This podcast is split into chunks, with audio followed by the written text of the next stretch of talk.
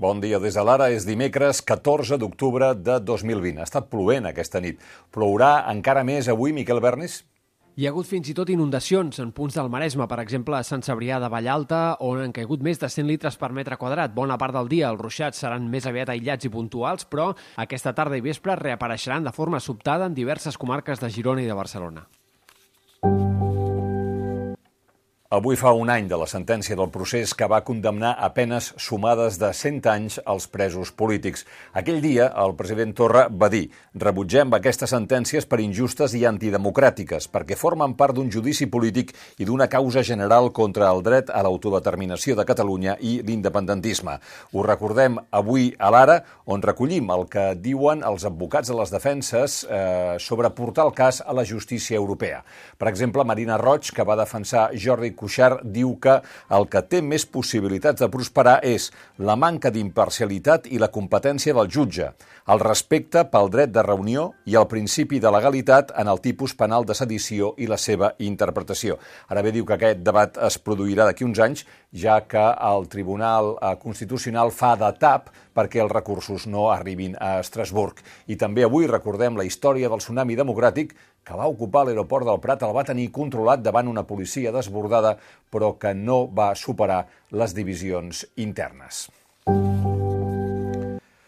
I avui sabrem quines mesures adopta el govern per frenar la propagació del coronavirus. La consellera Budó va fer ahir aquest avís.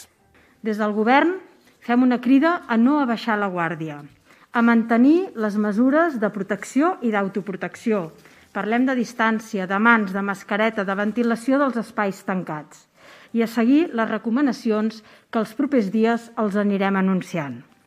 Ja es veu a venir que bars i restaurants acabaran llapant. Què sabem sobre les mesures restrictives en aquests locals? Doncs bé, que només s'hi podrien servir menjars per emportar i no per consumir ni a l'interior ni a l'exterior dels locals. Aquestes restriccions serien per 15 dies, es presentaran aquest matí en una reunió als diferents gremis i federacions de restauració i posteriorment serà el Procicat qui aprovarà la resolució. També hi haurà de donar el vistiplau al Tribunal Superior de Justícia de Catalunya, perquè aquesta mesura de tancar bars i restaurants no s'ha pres en lloc d'Espanya. A alguns punts d'Europa sí, però a Espanya no, fins i tot en comunitats que tenen xifres pitjors, com per exemple Madrid. També els espectacles i el sector cultural viuran noves restriccions, ja que els teatres i cinemes tornaran a veure, pel que sembla, reduït a la meitat el seu aforament eh, per sota del 70% que tenen permès ara mateix. I, paral·lelament, el govern plantejarà limitacions d'accés als centres comercials per evitar aglomeracions. De fet, avui els universitaris fan l'últim dia de classes presencials, demà ja hauran de ser telemàtiques. Del que es tracta és que no pugin els casos, no pugin tant, de forma que els hospitals es tornessin a col·lapsar. Aquí tenen aquest mapa d'Europa, és molt interessant. Eh, aquí es veu que a Catalunya estem en una situació delicada perquè estem rodejats a l'oest i al nord d'uns veïns en pitjor situació.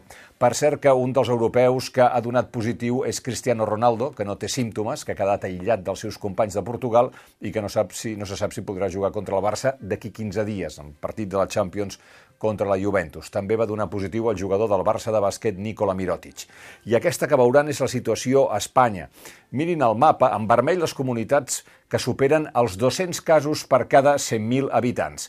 Ja veuen que el País Valencià i les Balears són les que estan millor, o de les que estan millor. Catalunya està just a la mitjana espanyola, 263 casos, i les que estan pitjor són, per aquest ordre, Navarra, disparadíssima, 757, Madrid, 489 i després Aragó, Castella, Lleó i La Rioja. I per cert, a Espanya, un dels que es va encomanar de coronavirus és el nostre col·laborador, el periodista Ernesto Eikaizer. Mirin el tuit que ha penjat. Vaig agafar el virus cap al 19 de setembre. La pneumònia bilateral va arrasar els pulmons. Van haver d'ordenar de posar-me en coma induït, d'intubar-me, però la meva bona salut i l'experiència dels metges i les infermeres de la Fundació Jiménez Díaz han fet el miracle. M'estic recuperant a la unitat de vigilància intensiva. Ho firma Ernesto Kaiser i nosaltres ens n'alegrem. I sobre els efectes de la pandèmia en l'economia, l'aeroport del Prat ha perdut un 83% dels passatgers al setembre en relació al setembre de l'any passat. Recomanem un parell d'articles, el del filòsof Ferran Saez Mateu sobre això de la generació TAP. No hi està d'acord. I diu concretament que les reflexions generacionals, totes, sense excepcions, no són res més que un sistema articulat d'excuses i subterfugis. La vida l'edifica un mateix quan, posem per cas, un cobra 1.200 euros al mes i signa una hipoteca mensual que puja 1.201. Només hi ha persones concretes que prenen decisions concretes. Es tracta d'assumir-les, doncs, o potser no, pel que veig. I també recomanem vivament l'article del Josep Ramoneda a la contraportada. Es fa ressò d'una frase que va dir Díaz Ayuso en una entrevista al Mundo aquest cap de setmana, que deia «La justícia, Madrid i el rei són els que impedeixen que Sánchez canviï el país per la porta de darrere». Diu Ramoneda que qui ho havia de dir, Ayuso, ha, des, ha deconstruït el règim del 78 amb aquesta confessió. La justícia, Madrid i el rei són els que manen. Us recomanem la crònica de la inauguració de la Bienal del Pensament a Barcelona. La canadenca Margaret Atwood va inaugurar-la ahir al vespre. La Bienal se celebra conjuntament amb el Festival Barcelona Poesia. L'acte d'ahir va comptar amb el recital del Premi d'Honor de les Lletres Catalanes i recentment convidat en aquest mateix plató Enric Casasses i una lectura de poemes d'Atwood de part de la poeta Maria Cabrera i Callís. I dels esports destaquem la victòria del Barça de bàsquet a València en partit de l'Eurolliga. Diu l'Àlex Gozalvo que la defensa del Barça va treure de Polleguer el València Bàsquet, per això els blaugrana van guanyar 66 a 71 en una nit en què l'equip blaugrana va fer una bona feina col·lectiva per compensar la baixa de Nicola Mirotic, que ara comentava. Fins aquí les claus del dia. Més informació sobre les mesures del govern a l'ara.cat així que surtin i l'anàlisi de l'actualitat d'aquí uns minuts.